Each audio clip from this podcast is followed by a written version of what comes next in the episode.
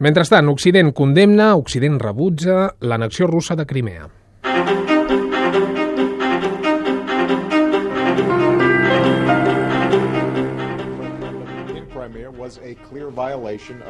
in a les últimes hores hem sentit el president nord-americà Barack Obama, també el cap de la seva diplomàcia, John Biden.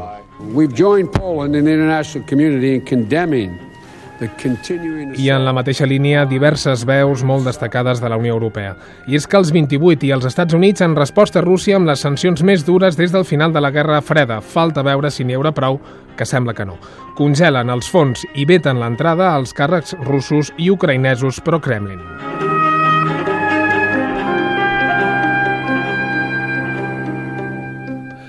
Anem a Brussel·les. Jaume Masdeu, molt bona tarda. Bona tarda, David. Escolta, l'últim dia que parlàvem eh, ens deies que el marge de maniobra de la diplomàcia era limitat, adverties de la dinàmica en la qual es podia entrar si començaven les sancions. Ja tenim sancions i ja tenim el sí del referèndum consumat. Quin marge d'actuació hi ha ara? Doncs el primer pas han de ser més sancions. No hi ha gaire alternativa, per molt poc que li agradi a la mateixa Unió Europea. Ahir mateix han adoptat les primeres mesures sancionadores. Els ministres europeus van avisar que si continuava l'escalada s'adoptarien més mesures. Per tant, a la cimera de dijous tocarà decidir-les. Podran anar per augmentar els noms de la llista negra, la dels 21 sancionats, amb nombre i tocant també personalitats del cercle més pròxim de Putin.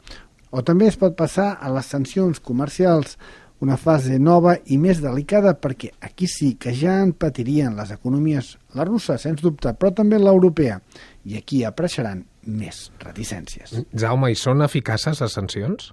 Sempre es posa en qüestió l'eficàcia d'aquest tipus de sancions. Un analista del Bruegel, un think tank de Brussel·les, planteja que la sanció que seria més eficaç seria tallar les importacions de gas rus. Seria un senyal fort i amb conseqüències limitades a llarg termini, argumenta aquest expert en energia, George Zachman. Ara bé, una bona part d'Europa hauria de córrer per substituir les importacions de gas, córrer i també pagar-lo més car. Per tant, no és la hipòtesi més probable especialment quan des de la Unió Europea una suma de 28 països amb interessos diversos i els quals les sancions també afectaran de manera diferent, li costa d'aconseguir acords en temes tan vitals.